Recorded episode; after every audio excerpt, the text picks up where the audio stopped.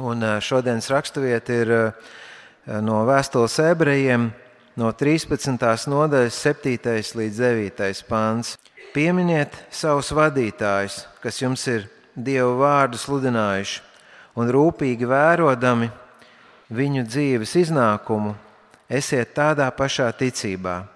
Jēzus Kristus ir tas pats vakar, šodien un mūžos. Neļaujiet sevi aizraut ar dažādām svešām mācībām. Ir labi, kad sirds top stiprināta ar dieva žēlastību, bet noteikumi ēšanā nav atnesuši nekādu labumu tiem, kas pēc šiem priekšrakstiem dzīvo. Tas ir Dieva vārds. Labvakar, sēdieties, lūdzu. Šodien ieklausīsimies ebreju vēstules 13. nodaļas vārdos. Pirms tam lūgsim lai sirds top stiprināta ar dievu žēlastību. Kungs un debesu Tēvs, es lūdzu, lai ar šo mācību, kas mums pamāca visai dzīvei, arī šodien, to klausoties, arī, arī šodien, šī dievkalpojuma laikā, mūsu sirds būtu stiprināts ar tavu žēlastību. Lūdzu to tavu pašu dēlu vārdā. Āmen. Mēs nesen, nesen šajā, šajā vēstulē, kādā iepriekšējā reizē runājām par, par sacīksti, par ticības dzīvi kā sacīksti, kurā, kurā ir jāpastāv, kurā ir jātiek līdz galam, kurā ir jāuzvar. Un mums bija slavenā 11. nodaļa par ticības varoņiem, par mūsu priekšgājējiem. Kā, kā viņi pastāvēja, kā viņi izturēja, kā viņi bija tik uzvaroši. Mūsu šodienas raksturvieta sākās ar vārdiem: pieminiet savus vadītājus. Pieminiet, tas nozīmē atcerieties. Vienkārši atcerieties. Tas, tas vārds izklausās, nu, ko nozīmē pieminiet. Atcerieties savus vadītājus, kas jums Dieva vārdu ir sludinājuši. Un tie vispirms ir šie senie, senie ticības pamatlicēji, par kuriem mēs klausījāmies. Tas ir Ābrahams, tas ir Noā, tas ir Mozus un citi. Un tie, protams, ir arī uh, apstuļi, jaunās derības apstuļi, tie ir Jānis Pēters un, un, un citi.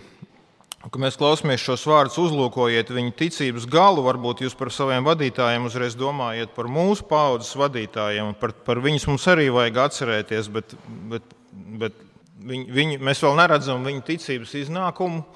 Mēs priecājamies par viņiem, viņus daudz. daudz mums ir, ir jau devuši, bet tie patiešām ir nodevuši savu galējo liecību. Kā 11. nodaļā viņi uzvarētāji, un mēs zinām par, mēs zinām par Jāni, mēs zinām par Pēteru, mēs zinām par Pāvilu. Viņi pastāvēja līdz galam, daži no viņiem nodeva savu, savu, savu dzīvību, nomirstot par Kristu. Daži nomira mierīgā nāvē, bet viņi izturēja līdz galam, pastāvēja savu. Kas, kas viņus stiprināja, kas viņus darīja uh, stiprus, ko, ko, ko mums no viņiem rūpīgi vērot? Pastāviet tādā pašā ticībā. Kas mums, kas mums jāņem uh, ir no viņiem un patiešām arī no tiem mūsu vadītājiem, kas mūs ir uzrunājuši, kas mūs ir vadījuši ticībā. Kas mums ir jāņem? Un šeit ir vārdi, lai, lai sirds tiek stiprināta ar žēlastību, un arī pretējais. Tātad es skatos uz 9. pantu, lai sirds top stiprināta ar Dieva žēlstību, viņi mūs piekodina.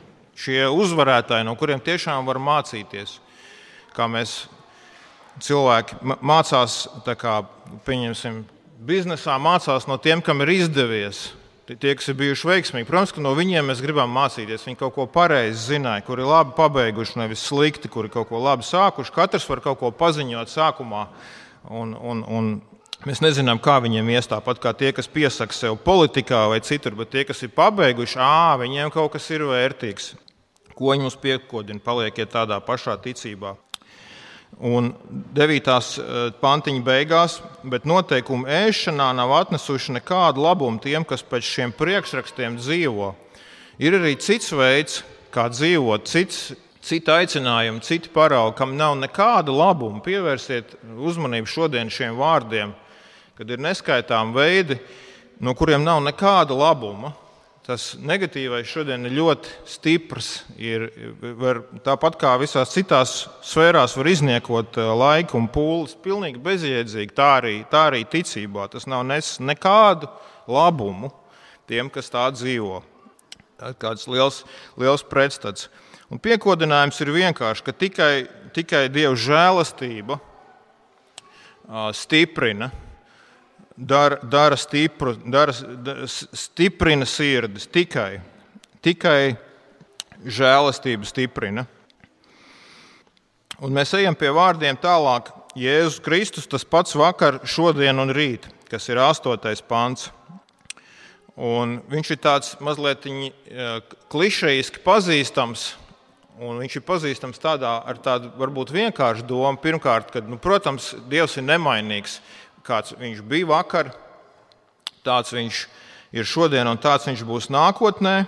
Un tā ir patiesa un stiprinoša doma, un varbūt arī tā eh, personīga, emocionāla. Varbūt tu domā, man Kristus palīdzēja vakar, tas nozīmē, viņš man palīdzēs arī šodien, un tas nozīmē, viņš man palīdzēs arī rīt.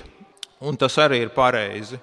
Bet šajā pantā ir vēl daudz vairāk par to, uh, ko, ko, mēs, ko, ko es tikko teicu, kā mēs to bieži lasām.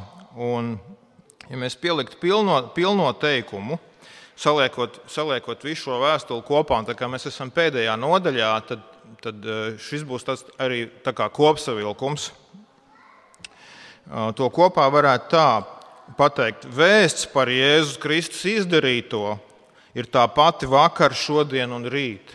Ja evaņģē, viss evaņģēlijs ir tas pats vakar, šodien un rīt, un šī vēsts ir, ir tā, kas vienīgā stiprina sirdi, stiprina sirdi, sasilda, nostiprina. Un varbūt tu domā, visā, visā ko mēs šodien uzņemam un klausamies un kam mēs sekojam, Ka, kas man stiprinās? Varbūt, ka tu uh, jūties arī tāds tā kā savs un izsīts reizēm. Es noteikti reizēm tā jūtos. Es domāju, kas varētu būt tas, kas man tiešām, tiešām varētu stiprināt ticībā, tā kā sasildīt, stiprināt sirdi.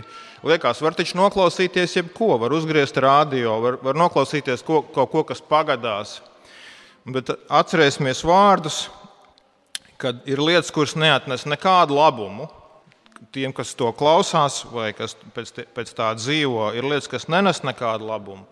Un ir kaut kas, kas stiprina, kas stiprina patiešām sirdi. Kas ir šī žēlastības vēsts nemainīgā?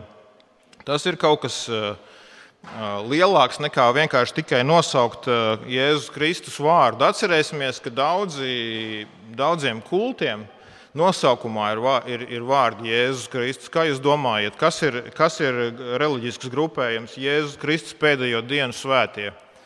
Izklausās ļoti tāds svētīgs nosaukums. Tie ir mormoņi. Tā, tas, tā nav kristīga baznīca. Tur nav nekāda žēlastības vēsts, nekāda evaņģēlīja tur nav. Kristus vārds var būt, bet evaņģēlijas var nebūt.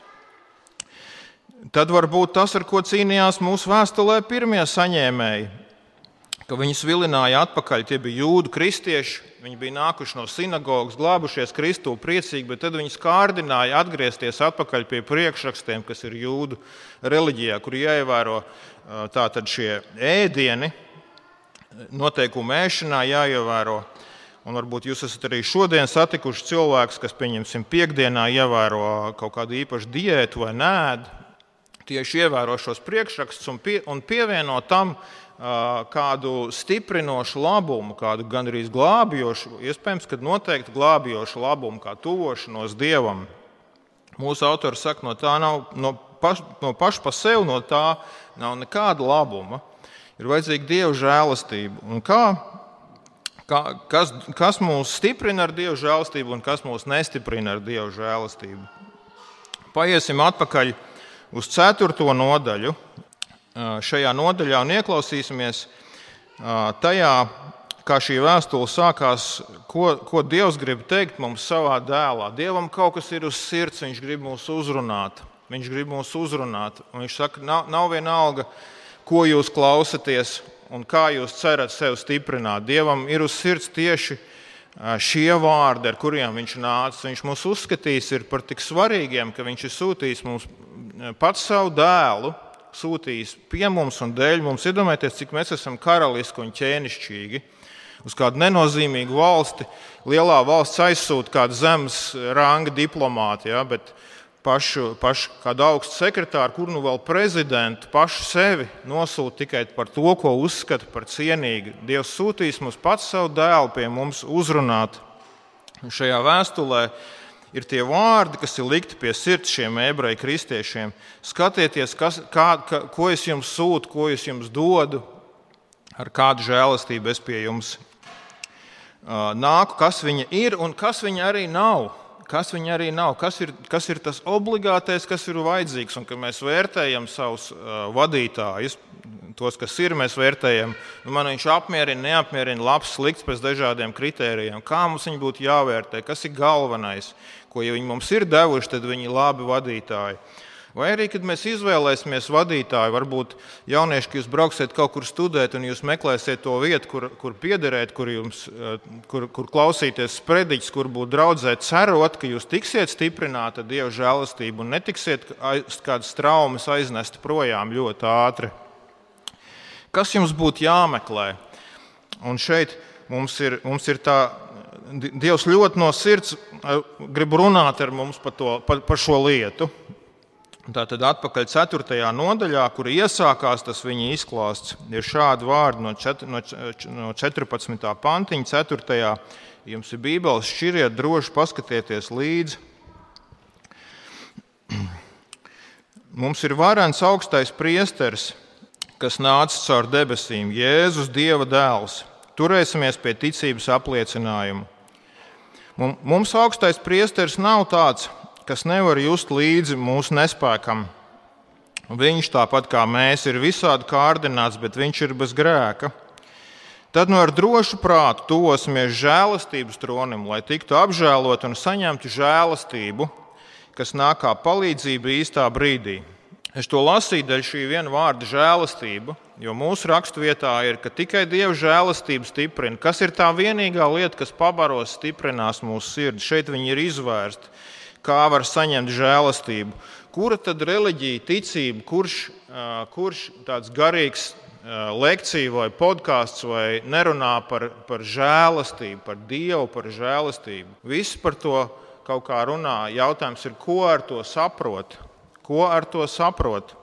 Un lūk, tālākās nodaļas, burtiski kādas sešas nodaļas, izvērš šo, kas šeit ir pieteikts, kad ir vajadzīgs priesteris, jauns, labāks, pilnīgs, perfekts priesteris, kas ir, kas ir Dieva dēls Jēzus Kristus. Un ka bez viņa, ka bez viņa nav tā žēlastība, kas mūs var stiprināt sirdis. Un ir vajadzīgs jauns, perfekts priesteris, ir vajadzīgs jauns, jauna, perfekta derība, un jauns, perfekts upuris ir vajadzīgs. No tā viss sastāv tas, ar ko Dievs mūs grib uzrunāt Jēzu Kristu, kas slēpjas zem vārdiem Jēzus Kristus, tas pats vakar, šodien un rīt. Vēsts par Jēzu Kristu ir, ir šie trīs.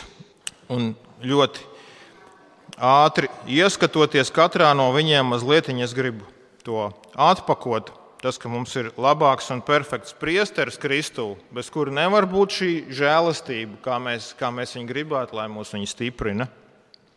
Tas nozīmē, ka mums ir laba un perfekta pieeja Dievam, kur ir Kristū, un kuru kur mēs varam saņemt tikai Dieva vārdā, Bībelē, redzēt šie vārdi pieminiet, atcerieties vadītājs, kas jums Dievu vārdu ir sludinājuši. Tur ir tā atšķirība, ko kāds sludina. Vai viņš ņem Bībeli, vai viņš ņem rakstus, vai viņš ņem no citiem avotiem. Tikai rakstos mums ir atklāts šāds priesteris, laba, perfekta pieeja.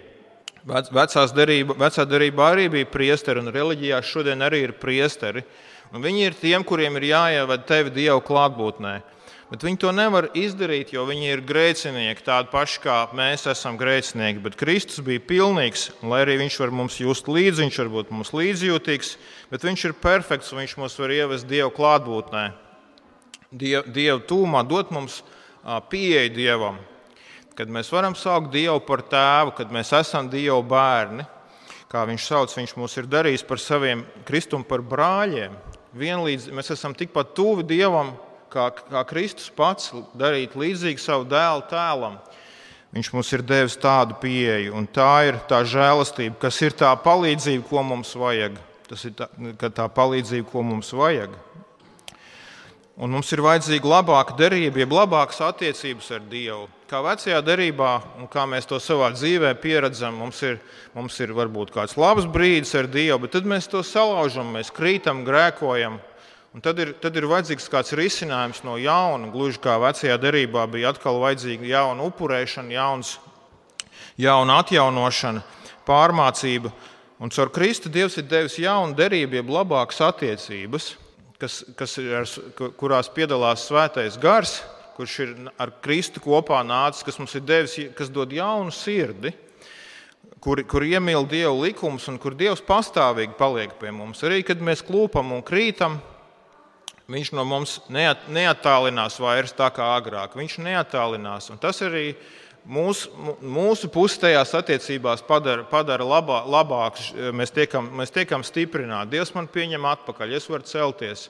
Tas ir pastāvīgs attiecības. Viņš man neatmet dēļ tā, kad, kad es esmu grēkojis vai, vai, vai atkritis. Tas ir labāks, drošāks attiecības. Tā Dieva puse ir tik droša Eh, tagad Kristu, ka mēs uz viņu pilnīgi varam paļauties.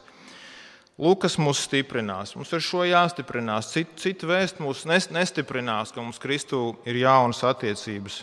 Un visbeidzot, ir jauns un labāks un perfekts upuris. Kristus pats pienes sevi par upuri. Tā ir 8. un 9. nodaļa. Un pilnībā nodzēs to vainu. Kurš gan nepazīst cīņu ar vainas apziņu? Vai ar reālu vainu, ar, ar, ar, ar domu, ka šis, šī, šī lieta man iespējams nav piedota. Varbūt ticēja, ka piedota, bet tad dzīvē notiek varbūt kaut kas tāds paskarbs. Un tu neviļas iedomājies, tas man notiek tāpēc, ka, ka, tāpēc, ka es esmu kādreiz izdarījis šo lietu. Iespējams, ka tas man nav piedots. Bet Kristū mēs varam būt tiešām pārliecināti, ka Dievs ir devis perfektu upuri, kas, no, kas noklāja to vainu tā, ka Viņš to vairs neatceras un viņa pilnīgi pārlikt uz Kristu un vairs nav uz tevi. Un jebkas, kas tavā dzīvē notiek, vairs nav, ja tu esi Kristū, tad, tad Dieva sots tā var būt tikai maiga pārmācība. Kā draudz esot uzrakstījusi uz sienas, sev visas apsūdzības, kas izvirzītas pret mani, ir atceltas. Kristu. Lai katru reizi ienākot, atgādinātu sev, visas apsūdzības ir atceltas Kristū. Šis atgādinājums mums ir bieži vajadzīgs. Šo atgādinājumu mēs varam saņemt tikai Dieva žēlastības pasludinājumā, pie kā ir turējušies tie, kas pastāvēja ticībā. Pie tā, pie tā turās labi vadītāji, kas labi ir vadījuši draugu. To mēs lasām katrā, katrā no apakstuļu rakstiem, kad mēs lasām Pēteru, viņš iesāks ar Dieva žēlastību un pabeigs ar Dieva žēlastību un ar apstiprinājumu, ka tava vaina ir izpirkta, tavs visas prasības pret tevi ir atceltas. Apostols Pāvils, kad jūs viņu lasīsiet, kad mēs viņu lasām, teiks, šis ir patiesas vārds, ka Kristus ir nācis glābt grēciniekus, un es esmu pirmais viņa vidū. Šādi ir apstuļu vārdi. Viņi nelielās ar saviem darbiem, viņi nelielās ar saviem, kā viņi pilda kādus priekšrakstus. Viņi lielās ar to, kādu, kādu, cik, cik liels ir Kristus, cik liels ir viņa darbs un cik liela ir viņa žēlastība tajā. Tas ir tas, ko mēs lasīsim kā liecību labajos vadītājos, apstuļos, uzlūkojiet viņa dzīves iznākumu. Viņi turējās pie šādām lietām, un citi plātīsies ar kaut ko citu, ar reliģiskām pieredzēm, ar priekšrakstiem, ar sasniegumiem ar, ar, ar, ar, vai ar intelektuālām spējām, vai ar kādām garīgām atklāsmēm. Šī ir tā ūdens zīme. Tā kā jūs naudu paskatieties, vai ir īstā, tagad ir maz viltots naudas, bet agrāk mēs bijām pieraduši skatīties, vai ir īstā naudas zīme. Šie ir labie vadītāji, šī ir īstā vēsts, kas stiprinās. To mums vajag meklēt, un mūsu diētā iknedēļas to mums visvairāk vajag. Tā tikai vienīgā stiprinās sirdi. Vai tas nav brīnišķīgi, ka mums ir bijuši tādi vadītāji, kas ir sludinājuši šo vēsti, kas ir sludinājuši vārdu? Par to ir šodienas, viņš tur ir atgādinājums. Pastāvēsim tādā ticībā, novērtēsim to augstāk par visu.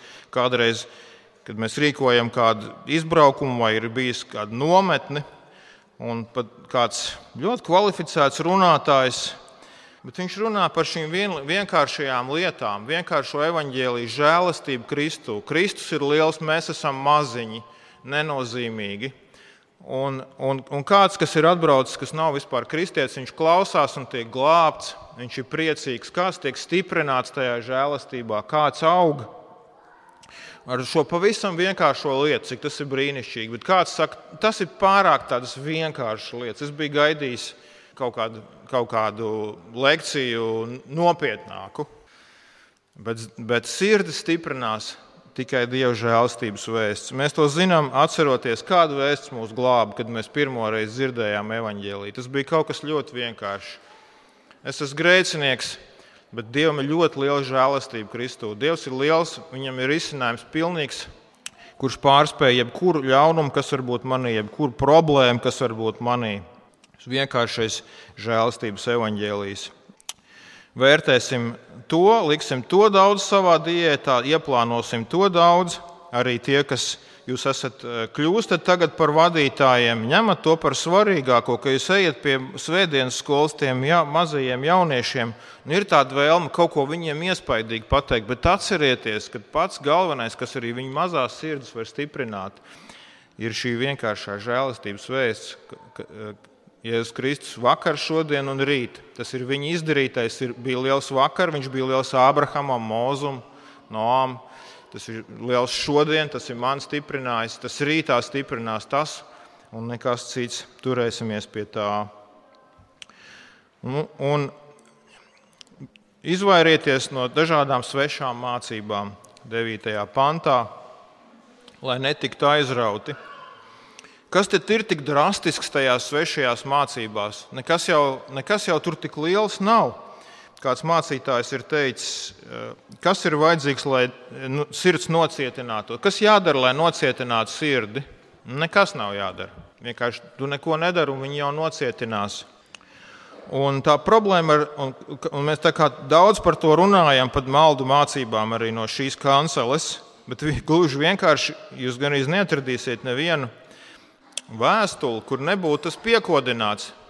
Jo viņa, viņa paņem nost šo vienīgo lietu, kas cilvēku var stiprināt, kas var atgriezt sirdi, kas var stiprināt sirdi. Tā ir problēma ar maldu mācībām. Neko jau viņas tādas pozitīvi nepasaka, vairāk ir problēma ar to, ko viņas noklusē.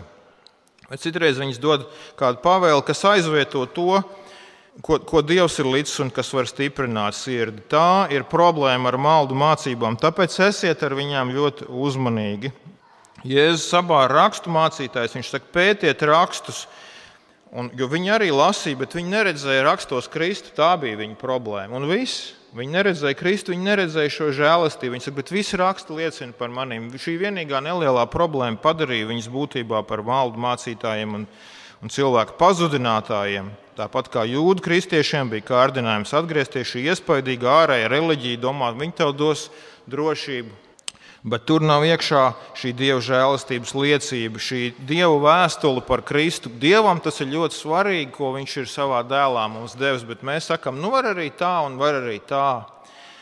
Tā ir problēma ar maldu mācībām. Tas ir kā, ja jūs būtu tiešām gribētu izārstēties un jums aptiekā iedotu to tableti, bet bez tās aktīvās vielas, kas ārstē un tad jums neizārstē. Jūs būtu ļoti vīlies, dusmīgs vai tiesā iesūdzēt. Pareizi. Tā tad, ja tur tā, maldu mācība ir mācība, kurā nav iekšā tā viela, šī, šī stiprinošā žēlastība. Ja viņas tur nav, tu esi veltīgi kaut ko noklausies vairāk nekā veltīgi, tu esi saindējies.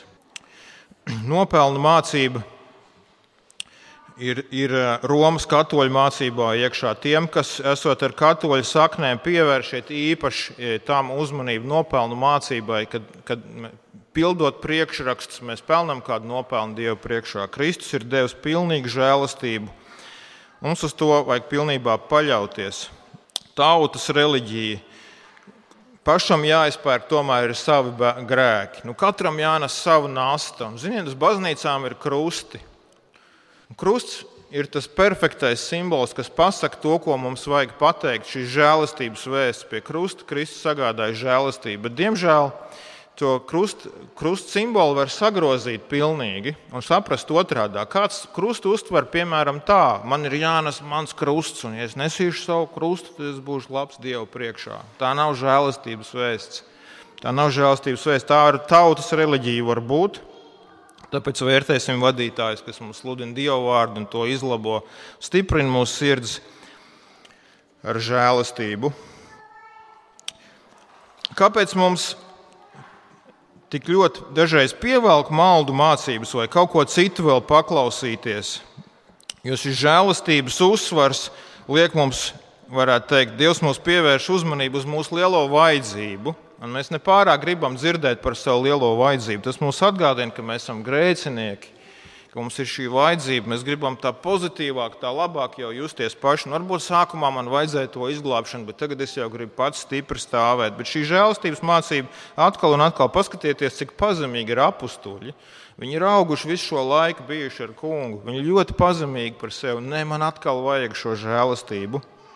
Bet tāpēc mums mazliet ir arī atgrūšanas efekts. Esam brīdināti, Tas nav labs iemesls. Īsnībā viņi mums būs labi, viņi mums būs sirdīm vislabākā. Labāk mums ieraudzīt, ja mēs zinām, ka Dievs mūs nāks pretī un stiprinās, mēs varam arī ieskatīties visļaunākajā, sev iekšā, vis, pašā visļaunākajā, kas mums ir, ko mums arī raksti liek. Viņi mūs apraksta ļaunāks nekā mēs paši par sevi domājam. Es nepārāk gribās to skatīties. Bet tas ir uz labu, tas ir uz ārstēšanu, uz pārmainīšanu, uz augšanu, uz žēlastību. Tad žēlastība ir liela mūsu dzīvē, tad mēs esam pateicīgi. Kā puritāns Roberts Makčēns saka, Kristus man ir visvērtīgākais, tad, kad es esmu vislielākajā tuksnesī, kad es saprotu, ka es pats esmu tuksnesis, tad Kristus man ir liels un vērtīgs. Un tāpēc, ne, tā teikt, nepakļausimies vilinājumam uz šīm maldu mācībām, kurās nav šī ūdens zīme iekšā, kas runā par žēlastību. Nepakļausimies viņām. Pieņemot šo tādu dieva mīlošo kritiku, izaicinājumu, paskaidro patiesību, tas mums būs uz labu. Tas mums būs uz labu. Un šeit es nobeigšu Mārtiņu Lutera tādu, tādiem vārdiem, kurus viņš daudz dažādos veidos savos, savos rakstos ir atstājis un par ko viņš ir daudz sprediķojis. Viņš saka, ka Ja apstuļi nebūtu grēkojuši, ja mums nebūtu pierakstīts, ka arī viņi grēkoja, viņiem vajadzēja žēlastību, un tas viņiem bija lielākais, es nomirtu no izmisuma. Pats Luters tā saka, es nomirtu no izmisuma.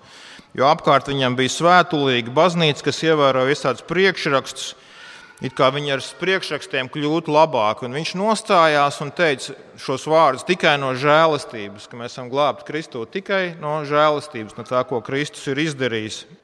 Un bija gatavs iznīcināt visu katoļu, Romas katoļu baznīcu šo nopelnu sistēmu. Tās viņa 95 tēzes, jūs viņas lasat, viņas ir par nopelniem, par indulģencēm, par izpirkšanas iespējām, kuras visas izklausās labas. Viņa vienīgā problēma ir, ka viņas aizēno Kristu, ka tad Kristus nav vajadzīgs, ka tad tev ir tāds grandiozs trepas uz, uz debesīm. Tādas kā arī pie Pētera katedrāles milzīgās, lielākās kristietībā arī ir. Tur ir šīs trepas, pa kurām tu vari kāpt visu dienu un justies kaut ko cietis un kaut ko sasniedzis, vai iet kādā smagā svētceļojumā. Viņš bija gatavs visu šo nopelnu sistēmu apgāzt otrādi un saskārās ar milzīgu pretestību, pasludinot lielo Kristu izdarīto žēlastību Bet paldies Mārtiņam, Lutheram, paldies apstuļiem, ka viņi bija tik pazemīgi, ka viņi neatstāja, rakstus lasot, viņi neatstāja mums nekādas, nekādas šaubas, ka tā ir patiesā vēsts, kas stiprinās mūsu sirdis, kas ir vienīgais labais pamats, uz kā stāvēt, labais kritērijs, pēc kā vērtēt, labā, labā ievirza šai nedēļai, ko vairāk klausīties, kas stiprinās, labais veids, kā pārbaudīt kādiem vadītājiem uzticēties un kādiem vadītājiem mums pašiem būt, ar ko iet pie cilvēkiem, kas cilvēkiem ir visvajadzīgākais.